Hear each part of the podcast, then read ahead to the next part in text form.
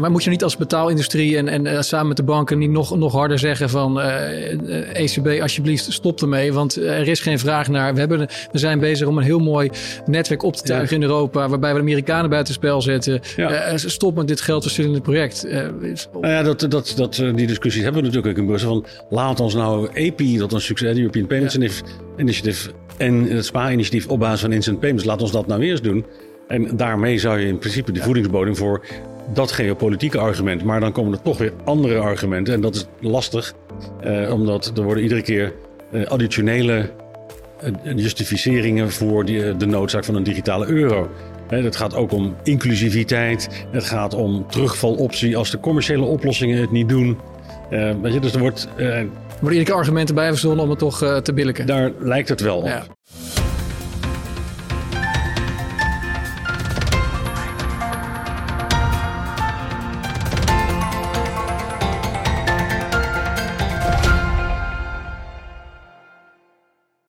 Hallo allemaal, ik ben Paul Buitink, directeur bij edelmetaalbedrijf Holland Gold. En welkom bij een nieuwe uitzending van onze podcast, waar we praten over edelmetaal, macro-economie, geopolitiek en natuurlijk het financiële systeem. Ik ben vandaag bij Money Life, een evenement in Amsterdam, uh, waar ik een uitnodiging voor gekregen heb uh, van Gijs Boudewijn, directeur van uh, Betalingsvereniging Nederland. Klopt. Gijs, leuk om met jou hier te zitten. Dank voor de uitnodiging. Um, wij gaan vandaag praten over de toekomst uh, van betalingen in Nederland en Europa. En ook gaan we uitgebreid praten over hoe betalingen momenteel werken. Um, jij bent behalve directeur bij uh, Betalingsverkeer Nederland, of Betalingsvereniging Nederland is het? Betaalvereniging. Ja, Betaalvereniging Nederland. Ben je ook betrokken bij uh, Europese Bankenfederatie? je bent echt een, een betalingsgoeroe wat dat betreft. ik denk dat jij... Wat veel eer, maar... Als een van de weinigen in Nederland eigenlijk alle, alle vormen van betalingen wel beheerst en, en uh, begrijpbaar kunt uitleggen. Uh, jij deelde het gesprek wat ik had met uh, Menno Broos, projectleider van de digitale euro DNB, via LinkedIn. Toen, toen ben ik je op het spoor gekomen. Hebben een aantal keer contact gehad. en toen ik laatst zag dat Ideal um, is overgenomen of, of gaat veranderen naar, naar een naam Wero. Dan dacht ik, nou, nu is het juist moment om met jou te praten. Met de digitale euro die eraan komt Ideal die wordt, uh, wordt vervangen met, met nog steeds de macht van Amerikaanse betaalplatformen en en de opkomst van Chinese platformen.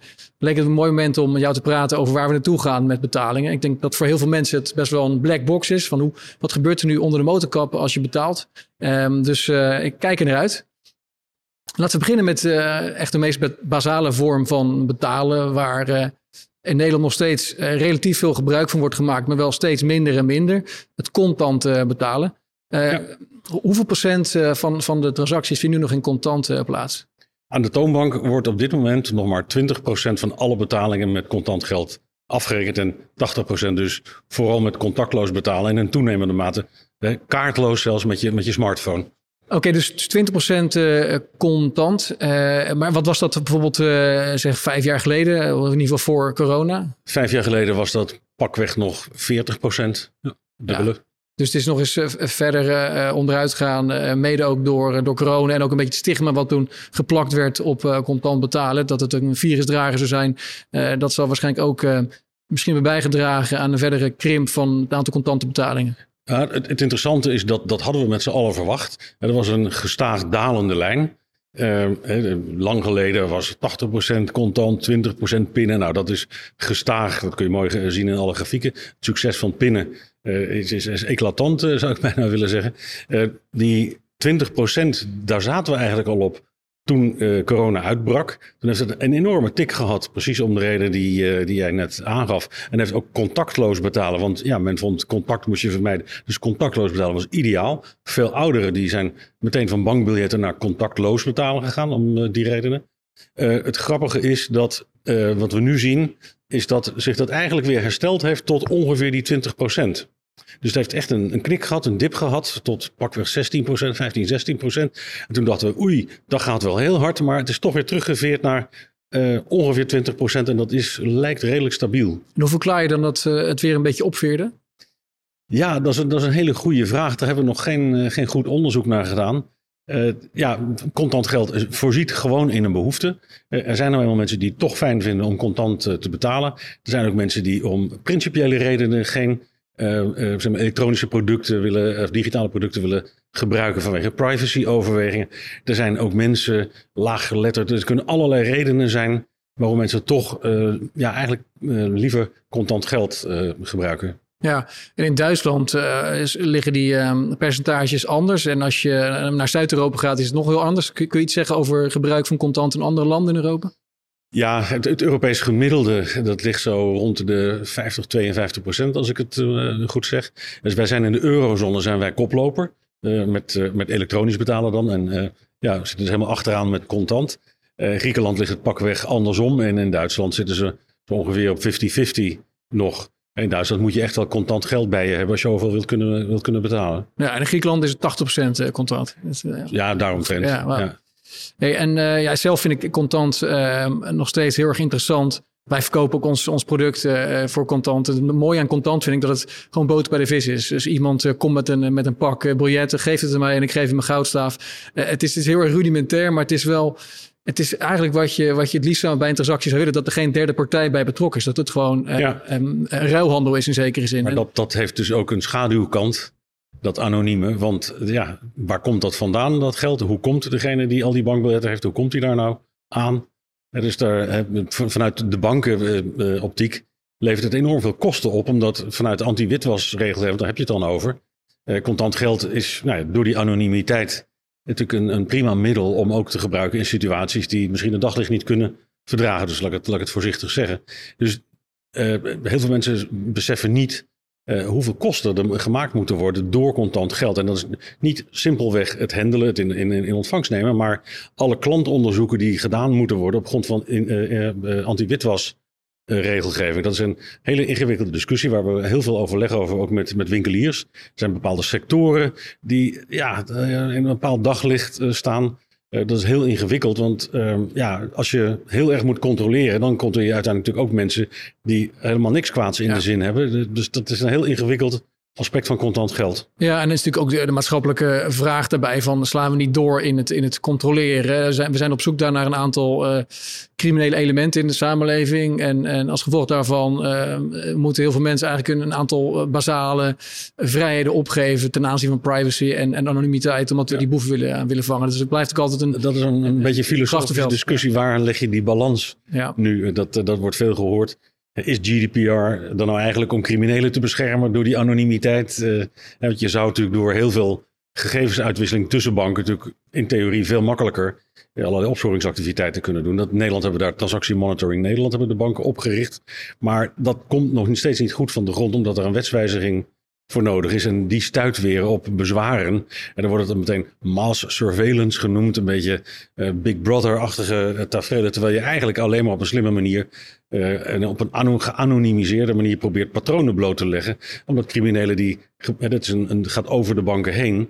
Uh, iedere bank ziet zijn eigen uh, patronen natuurlijk, maar criminelen gebruiken natuurlijk meerdere banken. En dat beeld, uh, dat kun je dan samenbrengen en dan kun je veel effectiever opsporen. Ja, want er was inderdaad een, een, een conceptwet, uh, um, herinner ik me van, van Kaag, minister van Financiën, ten aanzien van het, het, het bij gaan houden door banken van betalingen boven de 100 euro in een gezamenlijke database. Ja. Is, dat, dat, dat is dat, dat is ja. Transaction Monitoring Nederland. Dat is een heel gevoelig ja. onderwerp waar veel misverstand over is, denk ik. Uh, maar, dat, gebeurt, gebeurt, dat al wel? Of, of is dat, die wet is, niet, is er niet doorgekomen, maar wat voor gezamenlijke monitoring vindt er nu dan plaats tussen banken onderling? Dat kan ik je niet precies eh, vertellen, maar dat is nog lang niet op het, eh, het, potentieel wat het, wat het heeft, omdat er de wettelijke basis nog voor ontbreekt. Dat is gewoon heel jammer. Ja, met diezelfde wet wordt er ook gepleit voor het, het afschaffen van contante betalingen boven de 3000. Um, ook dat is er nog niet door. Maar als we dat zouden gaan doen, zouden we wel een stuk strenger zijn volgens mij dan, dan uh, andere landen in Europa. Ja, uh, of dat uiteindelijk effectief is, is, is natuurlijk maar de, maar de vraag. Ja. Uh, maar het raakt in ieder geval, als je dus zo'n zo grens. Kijk, waarom is contant geld nu zo'n zo'n hot topic? Het is omdat de, er zijn cash-afhankelijken, hoe je dat ook hebt. Dat zijn mensen die kunnen laaggeletterd zijn, die kunnen misschien niet, kunnen of willen niet pinnen. Dat zijn aan, aan de consumentenkant. Het, het, het witwasprobleem zit niet zozeer aan de consumentenkant, maar aan de, aan de zakelijke kant. Ja, uh, jij bent zelf betrokken ook bij dat uh, maatschappelijk overleg betaalverkeer. Hè? Of, ja. of uh, dat er ook, waarin wordt gesproken over behoud van contant. Nou, we zitten nu op die 20 procent. er is inderdaad een, een, toch wel een, een soort van vraag naar contant die vermoedelijk ook blijft bestaan. Wat voor, wat voor uh, garanties zijn er nu vanuit banken, overheid om, om contant beschikbaar te houden? Ja, nou deze discussie, we hebben eigenlijk al lang geconstateerd dat de trend naar beneden is. En dat we ook gezegd hebben in dat maatschappelijk overleg, waar dus ook de oudere bonden, de consument, want alle belanghebbenden om tafel zitten, dat we met z'n allen wel goed moeten zorgen dat zij die het echt nodig hebben, er ook gebruik van kunnen blijven maken. Hoe, hoe weinig ook. Uh, dat heeft er uiteindelijk in geresulteerd dat in april 2022 een convenant is gesloten tussen al die partijen in het MOB en waarbij de banken uh, en, en geldmaten, dus de joint venture van de banken waar alle geldautomaten en de afstortautomaten in zijn ondergebracht uh, om de kosten zo laag mogelijk te houden, zijn afspraken gemaakt van hoe houden we de infrastructuur die nodig is om dat contant geld goed beschikbaar te hebben voor zij die dat, dat nodig hebben, hoe, dat, hoe we dat doen. Um, het heeft, dus dat is voor vijf jaar afgesloten. Uh, en dat zegt van, nou, als dit het cashgebruik is, heb je zo'n uh, infrastructuur nodig.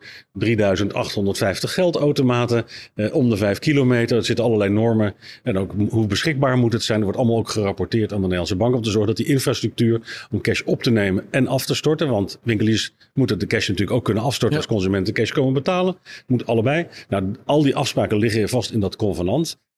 en afgelopen zomer heeft minister Kaag aan de Kamer gemeld dat zij voornemens is om toch, omdat het zo belangrijk is, dat ze dat eigenlijk niet aan uh, een vrijwillige, aan, aan, aan, zelfregulering, want dat is dat convenant eigenlijk wil uh, overlaten, maar dat ze nog voor de kerst met een, een wetsvoorstel gaat komen om eigenlijk wat in dat convenant staat een wettelijke grondslag te geven. Ja, en uh, in het vorige gesprek hadden we het al even over de digitale euro die uh, eraan gaat komen. Ja. En dat die wordt uh, verplicht gesteld voor winkeliers om te accepteren.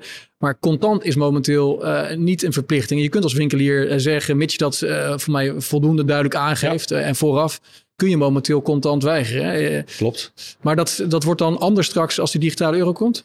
Ja, het is, het is, het is wat eigenaardig. Althans, het lijkt wat eigenaardig. Maar er werd in, in de eurozone, laten we even bij de euro houden, um, wordt wat verschillend gedacht over wat het nou betekent dat een bankbiljet, een eurobiljet, wettig betaalmiddel is. Betekent dat het altijd verplicht geaccepteerd moet worden? Of bijna altijd, maar heeft een ondernemer ook de vrijheid om te zeggen van om mij moverende redenen. Dat kan kosten, veiligheid, hygiëne, kan van alles zijn. Zeggen, ik accepteer geen contant geld, ik wil alleen contactloos uh, pinnen. Vind ik fijner, goedkoper. Er zit ook een enorm kostenverschil in, want contant betalen is voor een winkelier veel duurder dan pinnen. Um, Wat kost dat gemiddeld dan, een contante betaling? Nou, we, we, hebben daar een aantal jaren geleden zijn we daarmee begonnen en dat doen we nog steeds samen met de winkeliers kostenstudies. Die worden uitgevoerd door Pantaya. Um, en daar blijkt uit dat een contactloze pinbetaling die kost ongeveer 15 cent. En dan heb je het over alle kosten die gemaakt worden. De kosten van de cashier, van de betaalautomaat, van de bank, van de processing. Dus de total cost of ownership, daar is een hele uh, fijne methodologie voor ontwikkeld. Uh, van een pinbetaling versus een contante betaling. Zie je dat een uh, contante, contactloze betaling, die kost ongeveer 15 cent. En een contante betaling ongeveer 45 cent. Dus een factor 3 uh, keer zoveel. Is dat de belangrijkste reden waarom winkeliers er nu soms voor kiezen om niet contant te accepteren? De kosten? Nou ja, voor, voor de, de, de plekken waar met hoge volumes gewerkt wordt, met name de supermarkten, zijn die kosten natuurlijk en de doorlooptijd aan de kassa. Want het is, het, het, het is goedkoper omdat het sneller is. je hebt waarschijnlijk zelf, en ik bedoel daar niks mee, maar je staat in de rij en dan ineens gaat er iemand contant betalen. Dat levert ja, ineens een opstop. Een vrouwtje die een, een, een, portemonnee met heel veel muntjes erbij pakt. Uh. Dat, dat zijn jouw woorden, maar dat beeld. Ja, ja. Uh, ja dat, verdorie, schiet eens op. En dat, dat geeft dus eigenlijk weer wat het, wat het verschil is. dus vanuit de supermarkt gaat het om kosten, kassatijd, doorloop. Uh, voor de kleinere partijen zal dat, eh, de bakker op de hoek, zal dat minder een, een, uh, minder een probleem zijn. Maar kun je zeggen, ja, ik wil die bankbiljetten toch niet hebben. Vind ik niet hygiënisch. Zeker als je met food werkt, is er ook een hygiëne is een, is een argument. en veiligheid is, dat benadrukken ook de, de, de winkeliers steeds. Voor ons is eigenlijk los van die kosten veiligheid van onze medewerkers. Het overvalrisico is voor hun eigenlijk het belangrijkste argument om geen of liefst zo weinig mogelijk contant geld in die kassa laten willen hebben.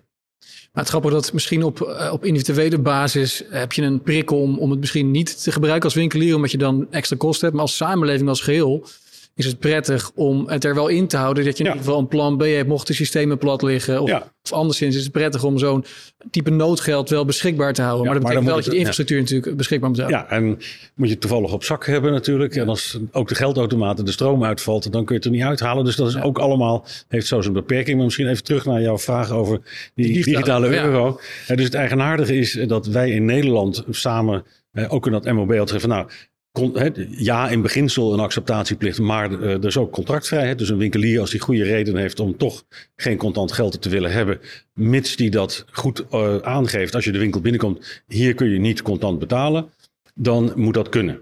Andere landen die zaten daar wat anders in, landen als Duitsland, Frankrijk.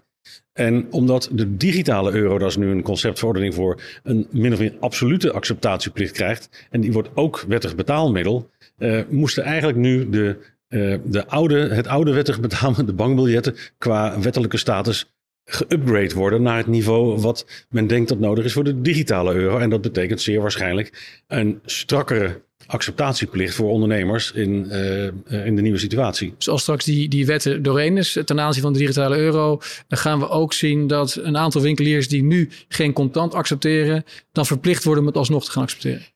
Daar lijkt het een mooie bijvangst dan, zou je zeggen. Of, of die soep nou zo heet gegeten gaat worden, of dat we toch kunnen blijven doen wat we hier in Nederland doen. Want de, de situatie zoals die nu is, is voor iedereen eigenlijk prima, want het is gebaseerd op gezamenlijke afspraken.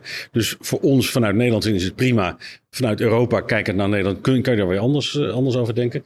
Uh, er zit een mechanisme in dat wetsvoorstel van de Europese Commissie dat unilaterale uitsluiting van de acceptatie van contant geld, zeg maar door de winkelier, ik wil geen cash. Dat kan, maar op, op heel beperkte gronden, zeg maar veiligheid. En dan moet je dat behoorlijk hard kunnen maken waarom je dat dan niet wil. Met een verplichting voor de, in ons geval de Nederlandse bank, om dat te monitoren en daarover weer terug te rapporteren naar de Europese Commissie. Dus dat is wel enige mogelijkheid, maar het is nog maar een conceptverordening. Die moet nog door het Europees Parlement en door de Raad. Dus... Maar goed, er zijn dus ook bijvoorbeeld eh, best wat gemeentes volgens mij inmiddels waar je alleen maar uh, kunt pinnen. Dus die zouden ook weer uh, een, een, stukje infrastructuur moeten, nou ja, moeten gaan halen. Ja, en om contant te accepteren. Vorige week was er nog dat Laurentius ziekenhuis in Maastricht. Die zei, ja, in onze apotheek, in het ziekenhuis kun je niet meer contant betalen. Nou, het, het huis was te klein ineens. Ja. Uh, die uh, digitale euro, die, die wet die er nu ligt, uh, die moet nog door het Europese parlement worden goedgekeurd. wanneer verwacht je dat dat gaat gebeuren? Oeh, dat is moeilijk te zeggen. Dat, ja, dat, dat gaat toch echt wel.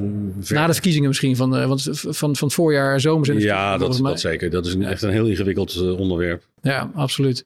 Um, die digitale euro, uh, dat, dat fascineert heel veel mensen. Ja. Um, er, is heel veel, uh, er wordt heel veel over gezegd en over geschreven.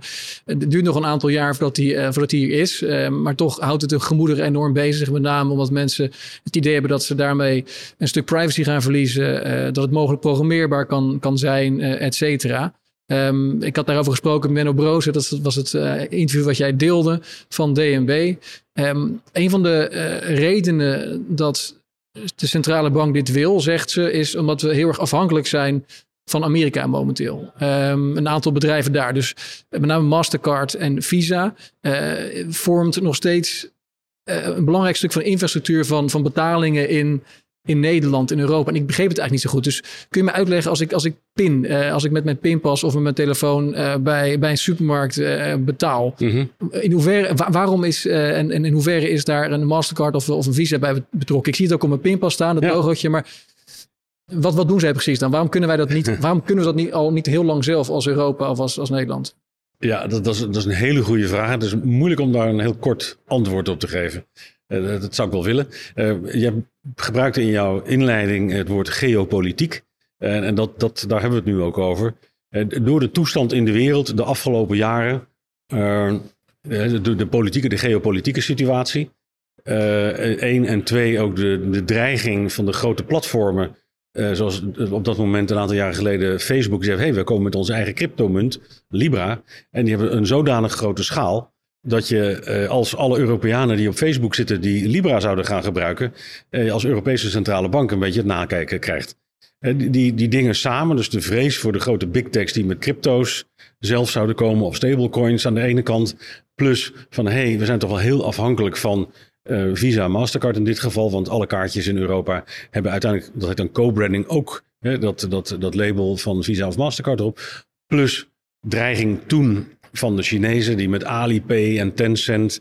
Dat lijkt inmiddels alweer een beetje overuit, maar dat heeft in ieder geval een beweging in gang gezet. Eh, gekoppeld aan dat teruglopend gebruik van de, van de eurobiljetten. Het is contant geld wat een vordering op de Europese Centrale Bank is, terwijl het goed op jouw spaarrekening of jouw betaling is een te goed op je eigen bank. Het eurobiljet is een vordering op de Europese Centrale Bank. En de constatering was, hey, eigenlijk zouden we als die papieren vordering, dat, dat papiertje verdwijnt, moeten we eigenlijk een digitale variant daarvan krijgen, die niet een vordering op je bank is. En want we kunnen alles al, een ideal betaling, dat doe je met een vordering op je eigen bank. Maar dat zou je eigenlijk ook met een digitale vordering op de Europese Centrale Bank, sorry, moeten, moeten kunnen doen. Um, nou, je kunt daar van alles en nog wat van, van vinden. Uh, wat vind jij ervan? Nou, wij, wij, proberen te kijken vanuit het, puur vanuit het Nederlands perspectief. Er zitten hele ingewikkelde uh, dimensies aan. Dat gaat over de funding van banken. Kunnen ze nog wel kredieten verlenen? Hoe zit het met financiële stabiliteit? Um, dat, dat, daar zijn allemaal een soort van voornemens, afspraken over gemaakt. Hij moet er wel komen, maar niet te veel. Want anders gaat iedereen straks zijn tegoed op zijn bankrekening omzetten in digitale euro's. En dan kunnen de banken weer geen hypotheken meer verstrekken. Zeg maar, want ja, de kredietverlening is gebaseerd op het kredietgeld wat, wat er is. Nou, er zijn allerlei macro-overwegingen die uh, super ingewikkeld zijn. Wij zijn alleen van de betaalvereniging. Dus we hebben gezegd van nou, dat zal. Daar, dat zit meer bij de vereniging van banken. Met hele knappe ja. macro-economen. Wij kijken naar de micro-economische kant. Eigenlijk alleen maar van wat heeft nou de Nederlandse consument eraan? Ja, en daar zijn Menno Broos, er is helemaal geen vraag naar in Nederland. Dus nee. met je betaalpad op is er helemaal geen business case eigenlijk. Ja, dus daarom stuurde ik dat ook een beetje door. Want daar zijn, zijn we het gloeiend over eens. Als je het vanuit het Nederlands perspectief bekijkt, zeg maar welk probleem zijn we hier nou aan het oplossen vanuit de behoeften van de klant en de consument en de ondernemer.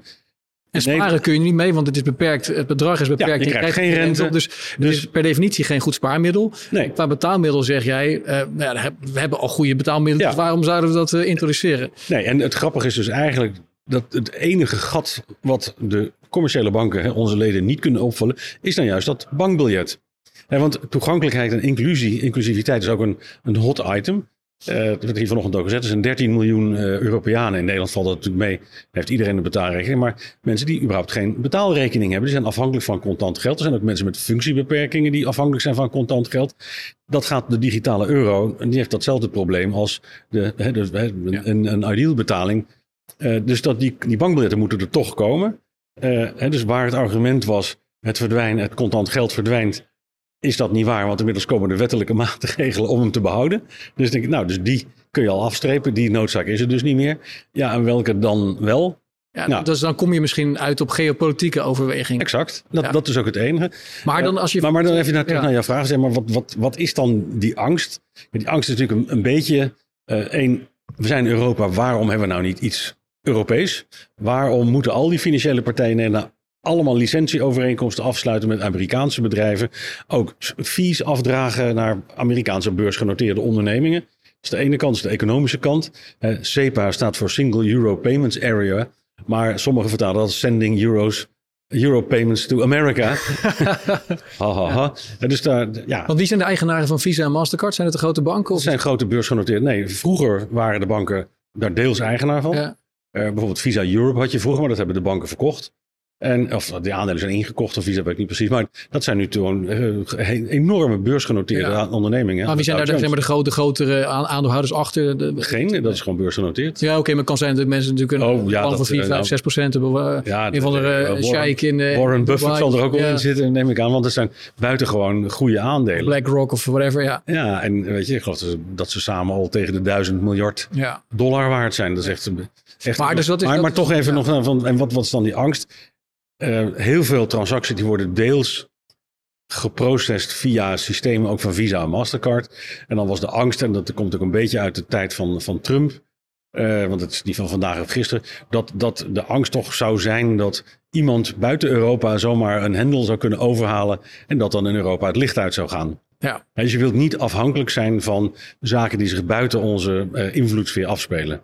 Maar dan, ik, ik heb vanmorgen eh, heel veel geleerd uh, van al die presentaties. Maar er is zoiets als het uh, European Payment uh, Initiative. En dat is dus waar Ideal in op gaat. En die komen dan met een nieuwe wallet genaamd Vero. Ja. Maar Ideal, als ik het goed begrijp, dat gaat via Currents. En Currents is in handen, tenminste, dat ging via Currents.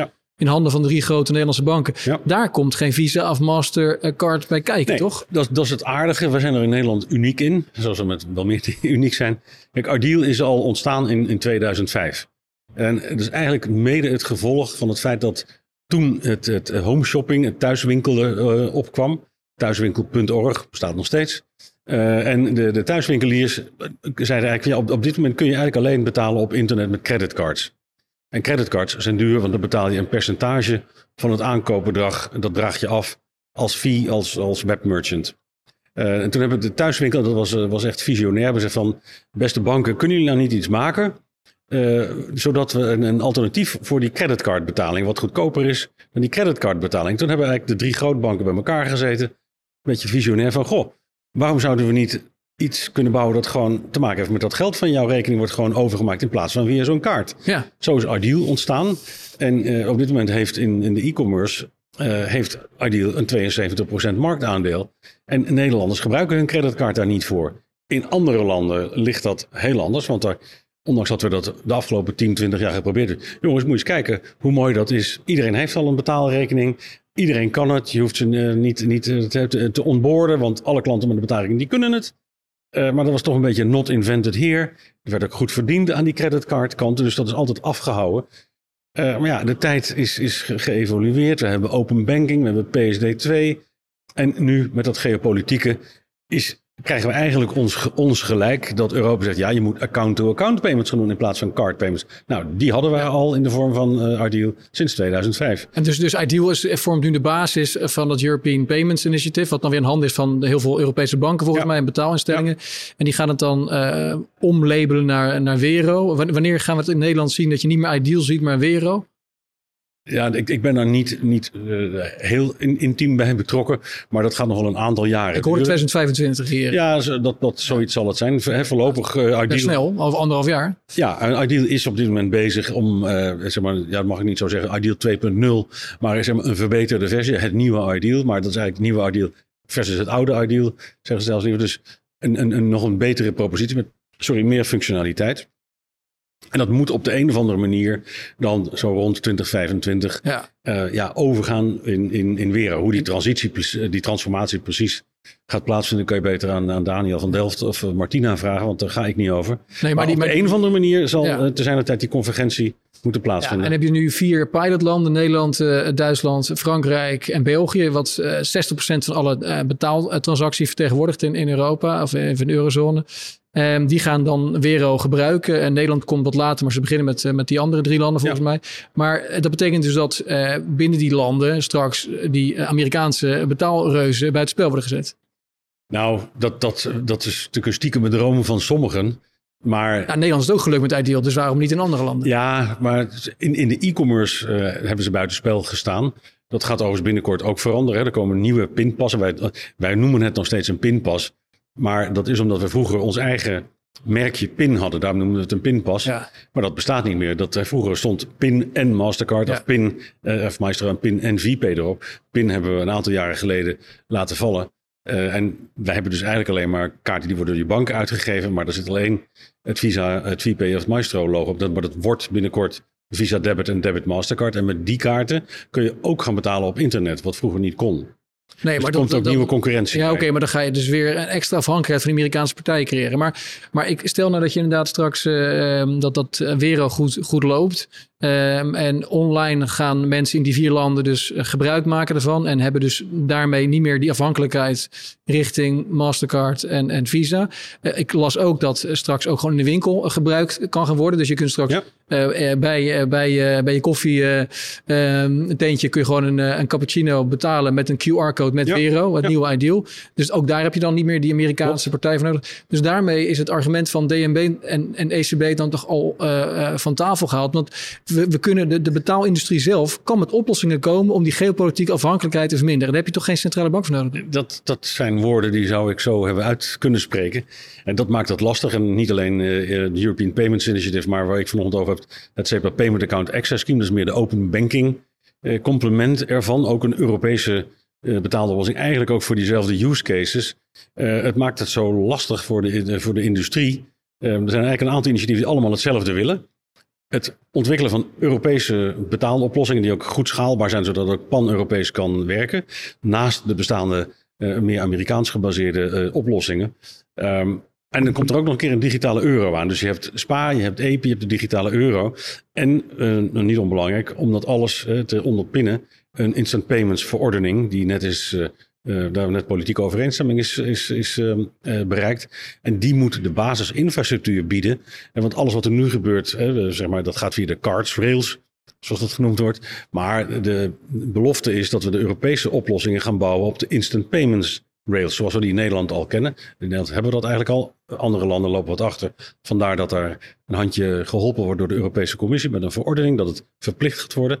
En die basisinfrastructuur die biedt dan de mogelijkheid om de EPI, maar ook de SPA en andere Europese oplossingen op te, op te gaan, uh, gaan baseren. En dan ben je dus niet meer afhankelijk van die kaart. Maar je zegt, conceptueel klopt dat als je erin slaagt om European Payments Initiative een succes te maken. Maar dat is nog maar vier van de 27 landen. Dat, dat is nog niet pan-Europees. Nee, maar goed, gaat heel lang dat is een pilot. Je begint met vier landen. En, ja, maar, uh, maar moet je niet als betaalindustrie en, en uh, samen met de banken niet nog, nog harder zeggen van uh, ECB, alsjeblieft, stop ermee. Want er is geen vraag naar. We, hebben, we zijn bezig om een heel mooi netwerk op te tuigen in Europa, waarbij we de Amerikanen buitenspel zetten. Ja. stop met dit geld in het project. nou ja, dat, dat, dat, die discussie hebben we natuurlijk ook in Brussel. Van, laat ons nou EPI, dat een succes, European Payments Initiative en het SPA-initiatief op basis van instant payments, laat ons dat nou eerst doen.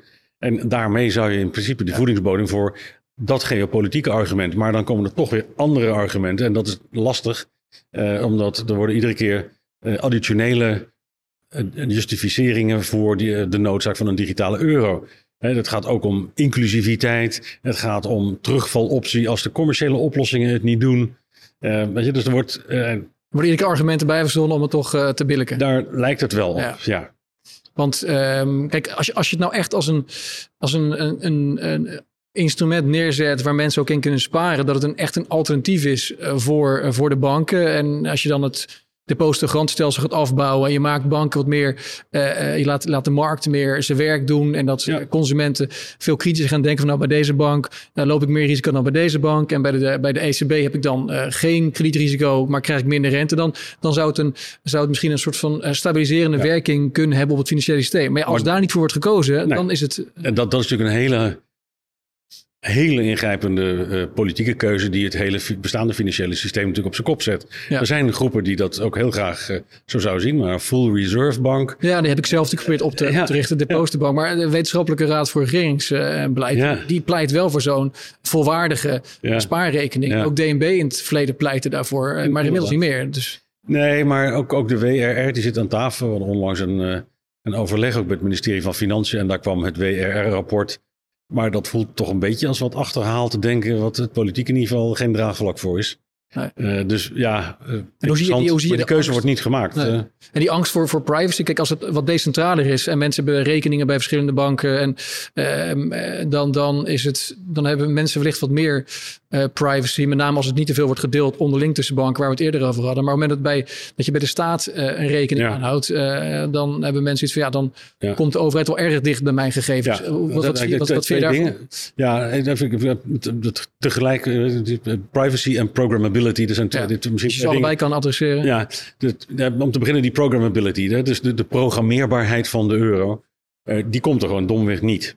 Uh, het is een, een, ingewikkelde semantische kwestie. De euro, uh, dat was de vrees van sommigen, dat die zo geprogrammeerd kon worden dat al naar gelang met de, de, de, inflatie, dat die als vanzelf meer of minder waard zou kunnen worden, bijvoorbeeld. Of dat je hem zou kunnen programmeren, hij kan alleen besteed worden aan, nou, ja. bestedingsdoel, dus 18 jaar kunnen er geen drank voor kopen. Of nou, um, dat concept dat grijpt natuurlijk diep in uh, van het, uh, het, fundamentele principe. Ik mag zelf besluiten waar ik mijn geld aan besteed. Geldt voor bankbiljetten ook. Hè? Daar kun je ook uh, overal mee betalen. Dus die programmeerbaarheid, hoe, en, maar door blockchain en door techniek, techies, oh, de vingers jeuken natuurlijk, want het kan wel, ja. maar dat moet je niet willen. Dus dat, dat, die, dat, is, dat is een. een daar, geloof je wel in. Dat, dat, is een broodje aap, ja. dat is niet zo. En de ECB iedere presentatie er is even, hij wordt niet programmeerbaar. Wat die hij kan wel... later wel programmeerbaar gemaakt worden. Als je eenmaal zo'n digitaal instrument hebt, ja, het vrij makkelijk. Ja, maar de belofte is dat hij dat niet zal zijn. Dus dat moet je dan maar vertrouwen dat de ECB dat niet gaat doen. Wat je wel kunt doen, is hem inzetten bij smart contracts. En dat, dat is ook eigenlijk iets heel plats. En je kunt nu ook een betaling agenderen bij je bank. Weet je, op een future dated payment. Dat is in feite ook een smart contract. als je hem zelf kunt programmeren, is het natuurlijk anders. Dan ja, iemand nee, dus, anders hem voor je dus, hè, dus, dus die vorm van smart contracts moet die gewoon bruikbaar zijn. Alleen de euro zelf is dat niet. Nee. Ehm, dus die, die vrees hoeft er niet te zijn, wordt ons verzekerd. Ehm, Hij kan steeds stellen van, ja, moet je zoiets maken wat eh, misschien dat je dat de huidige leiders eh, die oprechte intenties hebben niet te misbruiken, maar je op een gegeven moment bouw je wat wat dan door een volgende generatie alsnog Ja, worden misbruikt. Ja, dus je kunt nog dat, steeds dat, dat geldt voor het hele ding. Er wordt ook holding limits. Hè. Je gaat straks als burger in je digitale euro-wallet maar maximaal 3000 digitale euro's mogen hebben.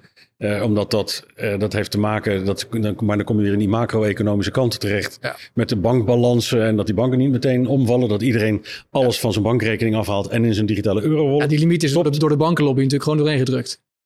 Ik, dat, dat, ja, dat zou kunnen. Eh, maar de bank, voor de banken kan die natuurlijk niet laag genoeg zijn. Dat, dat, dat kun je veronderstellen. Ehm, eh, maar ja, dat is ook, ja, je begint met 3000 euro. Maar ja, technisch gezien is dat natuurlijk. Eh, en dan even over, over de privacy. Het wordt allemaal gepseudonymiseerd. De, de stellige belofte ook van het eurosysteem is. Wij gaan niet in die transacties kijken. Maar het is eigenlijk een beetje vergelijkbaar. als nog aan de orde over offline varianten van de digitale euro. Als je heel dicht bij het bankbiljet wil blijven. Kijk, ook de bankbiljetten die komen van tijd tot tijd terug. Eh, niet allemaal, maar bij de Europese, bij de, bij de centrale banken, ook bij de Nederlandse bank. Dan worden ze gecontroleerd op echtheid, op fitheid. Kapotte exemplaren worden eruit gehaald en vervangen. En zo wil de Europese centrale bank, omdat het een vordering op de ECB is. Dus al, oeps, al die euro's digitaal staan op de bankbalans van de Europese centrale bank. En die wil daar toch wel enig zicht op houden wat daarmee gebeurt. Eh, dat betekent dat ze dus op een bepaalde manier toch transacties moeten zien. Maar de stellige belofte is, wij gaan er niet in kijken. We hoeven niet te weten van wie, wat en hoe. Alleen op macroniveau moeten wij wel weten wat er met onze Ja. ECB-bankbalans gebeurt. En er wordt ook best wel vaak eh, door CBDC-watchers gezegd dat het op blockchain zou komen. Daar, daar, volgens mij is dat helemaal niet zo, maar kun je daar iets meer over zeggen? Eh, nee, daar kan ik niet veel meer over zeggen. Dat wij roepen, ja, blockchain is just another technology. Eh, Ja. Dat vind ik niet zo interessant, eerlijk gezegd. Want, want eh, het, het lijkt me dat zij het gewoon het centraal willen, willen houden, zo'n digitale euro. Eh, Ja. Maar ja, tegelijkertijd worden wel banken en betaalinstellingen straks gebruikt om die digitale euro te distribueren. Ja, nou, nou ja, dat is natuurlijk een ander pijnpunt vanuit de banken bezien. de Europese verordening die er nu ligt, die geeft dus aan de ene kant de, eh, de digitale euro de status van wettig betaalmiddel. Maar die verplicht ook alle banken die betaalrekeningen aanbieden om aan die betaalrekening een digitale euro portemonnee te klikken. Eh, en dat heet dan funden en dieven. En dat mogelijk te maken dat ik, ik krijg mijn salaris, ik krijg 1000 euro op mijn rekening. Ik van, hé, hey, ik stop 50 euro, haal ik van mijn betaalrekening af en die stop ik in mijn digitale euro portemonnee en daar kan ik dan mee betalen. Nou, die hele dienstverlening moet gratis aangeboden worden. Dus het aanhouden van zo'n digitale euro-wallet, het onderhouden, het vullen en weer leegmaken van die portemonnee moet gratis worden aangeboden aan de consument. Maar gratis bestaat niet, dus linksom of rechtsom gaat die bank dat dus doorberekenen aan de consument. Nou, dus, en de winkelier die krijgt een acceptatieplicht. En eigenlijk in het klassieke model, wat ook in de Amerikaanse kaartmodellen zit. De winkelier heeft een bank, een acquirer. En de acquirer brengt de winkelier kosten in rekening voor het accepteren en verwerken van de digitale eurotransactie. En uit die eh, fee, de, uit die kosten die de winkelier betaalt aan zijn acquirer, moet de acquirer dan een kleine vergoeding betalen aan de bank die de euro-wallet aan de, van de consument aanhoudt. Dat heet de inter-PSP-vergoeding, die is voorzien. En eh, dat, dat, dat is ook beschreven, dat staat in artikel 17 van die verordening. Eh, en dat gaat gekapt worden, dat gaat gereguleerd worden, want die tarieven, die uiteindelijk, die, die, die inter-PSP-vergoeding, die moet het mogelijk maken dat de digitale euro in alle use cases goed kan concurreren met vergelijkbare digitale Ja. commerciële betaalproducten. Maar er komt dus niet een, een wallet bij, bij DNB zelf. Je hebt uiteindelijk eh, Ja. via je bank of, of straks via Vero, de, de, de opvolger van Ideal. Ik, ik las bij, bij, die, bij Vero heb je straks ook een wallet. Eh, Ja. en dus voor mij Ideal 2.0. Maar ja, kun je ook- Wero, je hebt natuurlijk de Wero-bank. Kijk, Wero is, het, is de centrale organisatie. Ja. Maar de, de rekeningen en de Wero-wallets, die worden natuurlijk aangehouden bij de banken die erin deelnemen. Niet, dat, hè, Wero, of, eh, het heb je niet straks één groot centraal instituut waar je Ah, rekening aanhoudt. Dat is gewoon bij de banken die lid zijn van, van Ja, dus PayPal. als stel ik bij, bij, bij ING heb ik een rekening en daar heb ik dan straks een aparte Vero wallet. Ja, dat zou zomaar kunnen. En in, Ja. en in die heb je dan weer een digitale euro-wallet. Dat zou zomaar kunnen, ja. Ik heb straks binnen mijn ING, heb ik ING weer een digitale euro. Ja. Fijn toch dat je keuze hebt als, eh, en, en Ja, als het, als het, als het eh, echte keuze is, maar dit, dit lijkt gewoon, eh, het lijkt heel erg veel op elkaar, waardoor je als consument niet per se de voordelen ziet van. Nou ja, maar dat goed, ja, ik- hoe leg je het uit? hè? Ja. En nou ja, waar de banken dus erg bang voor zijn, van oké, als hij dan moet komen om geopolitieke redenen, zo be it, maar dat gaat een enorm pak kosten, want het heeft een enorme impact, die hele infrastructuur. Dus de ECB zegt, wij dragen onze eigen kosten van de uitgifte van, ja dat is mooi, dat doen ze nou ook hun eigen kosten, dat is lekker, maar de banken die moeten dan kijken, hoe ga je dat dan doen? Eh, Dat, dat uitgeven, accepteren, et cetera. Dus de, de, de, de, de belofte is, de, de hoop is, maar dat is onbewezen, dat zoveel mogelijk bestaande infrastructuren daarvan, daarvoor gebruikt kunnen worden. Maar dat is, eh, dat is nog verre van, eh, van Ja. zeker.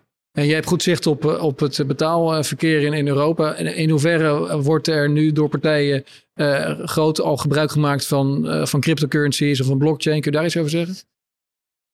Nou, cryptocurrency mag je eigenlijk niet zeggen. Hè? Ook van de, er is maar één currency en dat is de, de euro. Dus je hebt het over crypto assets in, in onze terminologie. Want eh, een currency, het is niet een currency, het is een asset. Ehm, ja, in, sorry. In betalingsverkeer is het volgens mij nauwelijks, nauwelijks waarneembaar. Er zijn natuurlijk allerlei niches. Eh, en er wordt natuurlijk veel gesproken over hoe gaan we dat dan doen in de metaverse. En hoe gaan Ja. we daar dan een mooi nieuw zwaard kopen of een schild of een helm of zo in eh, War of the weet ik veel wat. Eh, maar in, in, in het dagelijks leven, ehm, ik, denk, ik denk dat het echt nog, nog niche is. En eh, ja, zeker als er, als er een digitale euro zou komen, ja, waar, waar haal je de massa en de schaal vandaan om dat, dat te kunnen doen? Ik zie dat nog niet zo heel snel gebeuren. En eh, als, als laatste vraag. eh, ik heb best wel veel eh, gesprekken ook gehad met politici die kritisch zijn over de euro. En over waar, waar het naartoe gaat met de euro, met de Europese Unie. Stel dat je uiteindelijk toch in een situatie terechtkomt als Nederland. Dat je die euro gaat verlaten. Hoe, hoe makkelijk, met jouw kennis van, van de betalingsindustrie in Nederland. Hoe makkelijk kun je switchen naar een, naar een nieuwe nationale munt. Met, met je bestaande infrastructuur. Ja, er, er zijn twee antwoorden denk ik mogelijk. Daar ben ik geen deskundige in. Geen, ik ben geen Nexit voorstander ook niet eh, trouwens. Maar ehm, kijk, je kunt zeggen, ja, alles is data. Hè? Dus eh, je, transformeert het in de currency exchange. eh, hoe moeilijk is dat? Ja, dan heb je weer de gulden eh, tegen de, tegen de euro. Ehm, het, is meer dat, ehm, en dat hebben we met Brexit natuurlijk ook gezien. Ook eh, de UK was na Brexit eh, nog steeds onderdeel van SEPA, de Single European eh, Payment, Single Euro Payments Area. Maar dat betekent dat je ook zeg maar, eh, juridische gelijkwaardigheid, het legal equivalence moet hebben. Dat dat allemaal onder dezelfde voorwaarden kan plaatsvinden, ook al is de currency anders. Hè. Dat zien we in Europa ook. De eurozone versus de non-euro currencies hebben we dat ook. Dat is allemaal SEPA, omdat we onder, binnen hetzelfde juridische kader zitten. Ja. Dus ehm, zolang je als Nederland, hè, stel dat eruit stapt voor whatever reason, eh, dan moet je natuurlijk A, zorgen dat je niet gekke dingen gaat doen. We gaan aan de linkerkant van de weg rijden. Hè? We blijven gewoon rechts rijden, net als de rest van Europa. Dat je in ieder geval die legal equivalence houdt. Dat is een, een Dus allereerste binnen die. SEPA blijven is dan belangrijk. Als je Ja, absoluut. een Ja. opt-out krijgt voor de euro je, en, en je kunt dan eh, regelen dat je binnen die SEPA blijft, dan is Ja. het technisch allemaal dat redelijk, wel mee, redelijk ja. te overzien. Ja, dat denk ik wel. Ja. Ja, super interessant. Voor mij was echt een, een deep dive eh, in, in hoe betalingen werken. Ehm, nog iets anders wat je wil toevoegen, iets waar de kijkers ehm, mee te maken gaan krijgen de komende tijd, wat voor, een heel, wat voor de gewone man zeg maar eh, een, impact kan hebben de komende jaren?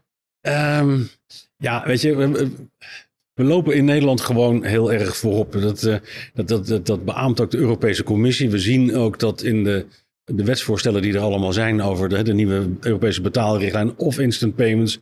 eh, of de, de IBAN-naamcheck die we hier in Nederland hebben. Dat heet dan Confirmation of PI in, eh, met een mooie Engelse term. Dat zijn allemaal elementen waarvan je eh, gewoon ziet, en ook met de fraudebestrijding trouwens, waarvan je ziet dat de Europese Commissie toch heel veel inspiratie haalt uit hoe we het in Nederland doen. Dat is echt heel grappig. Eh, we doen dat niet om, wij willen zo nodig voorop lopen in Europa. Dat komt gewoon omdat we hier met z'n allen in een poldermodel knelpunten signaleren en oplossen. En daardoor kennelijk goede dingen doen die de Europese Commissie vindt van nou, dat zou wel fijn zijn als iedereen in Europa dat deed met efficiënt, betrouwbaar, veilig en toegankelijk betalingsverkeer. We zorgen met z'n allen dat cash beschikbaar blijft. Omdat we gewoon met z'n allen op z'n Hollands, al polderend, ja. uh, alle problemen eigenlijk voor iedereen goed willen oplossen. En in andere landen zie je dat gewoon veel minder. En daar, uh, als je niet in Nederland uitkomt, zie je dat natuurlijk niet als je achter de dijken blijft. Maar ik zit veel in Brussel en denk, ja, we hebben toch wel verrekte goed voor elkaar hier. En het kan altijd beter, hè? want ja, zeggen de mensen dan, maar ik ben hier in Nederland en niet in Italië. Ja. En ik kan wel zeggen dat in Italië veel slechter is, maar wat heb ik er aan? Nou ja, een beetje, een beetje nationale trots mag wel. Ja, nou ja, mooi dat Ideal dan als, als basis wordt gebruikt. En Ideal, ja, daar mag je dan toch wel trots op zijn. Nou, Gijs, uh, dank uh, voor je tijd. Uh, aan de kijkers, als je het leuk vindt, like deze video, delen met vrienden en familie. En tot een volgende uitzending. Dankjewel. Graag gedaan.